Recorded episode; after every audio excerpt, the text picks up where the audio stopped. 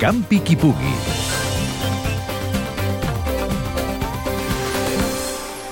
Més d'un centenar d'atletes participaran aquest diumenge a la primera edició de la cursa Trial Running Vila d'Arbeca. Es tracta d'una prova extrema, oberta a tothom, però recomanada a atletes experimentats, ja que hi ha un circuit d'uns 37 quilòmetres que en el futur els organitzadors volen ampliar.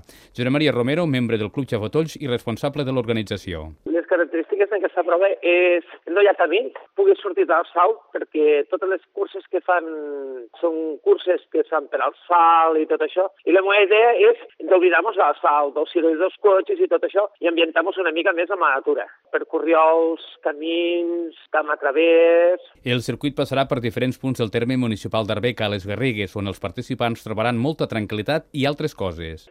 Tranquil·litat molta que hasta en algun moment se mos creuran algun conill i se mos aixecarà alguna, bola, alguna volada de, de perdius si encara n'han deixat alguns caçadors. Les terres de secà del terme d'Arbeca veuran per primera vegada una cursa d'aquestes característiques. Això sí, els participants que es portin l'aigua mentre aquesta zona no la regui l'esperat canal Segarra-Garrigues. Aquí a Arbeca ha costat una miqueta perquè bueno, és una prova que és normal però no és massa peculiar per aquí, per aquestes contrades, perquè és una cursa trail, passem per tot arreu per poder donar a conèixer una mica el terme. Gerard Maria Romero també ha explicat que s'aprofitarà la presència de molts atletes per fer una conferència dissabte, el dia abans de la cursa, sobre curses extremes. Tenim de padrí de cursa Carles García Prieto, que és l'únic participant que ha fet els quatre deserts més d'usos de, del món, i el dia abans farem el que és una conferència sobre els quatre deserts. Els organitzadors han previst que molts atletes formalitzaran la inscripció el mateix dia de la cursa, la primera Trial Running Vila d'Arbeca.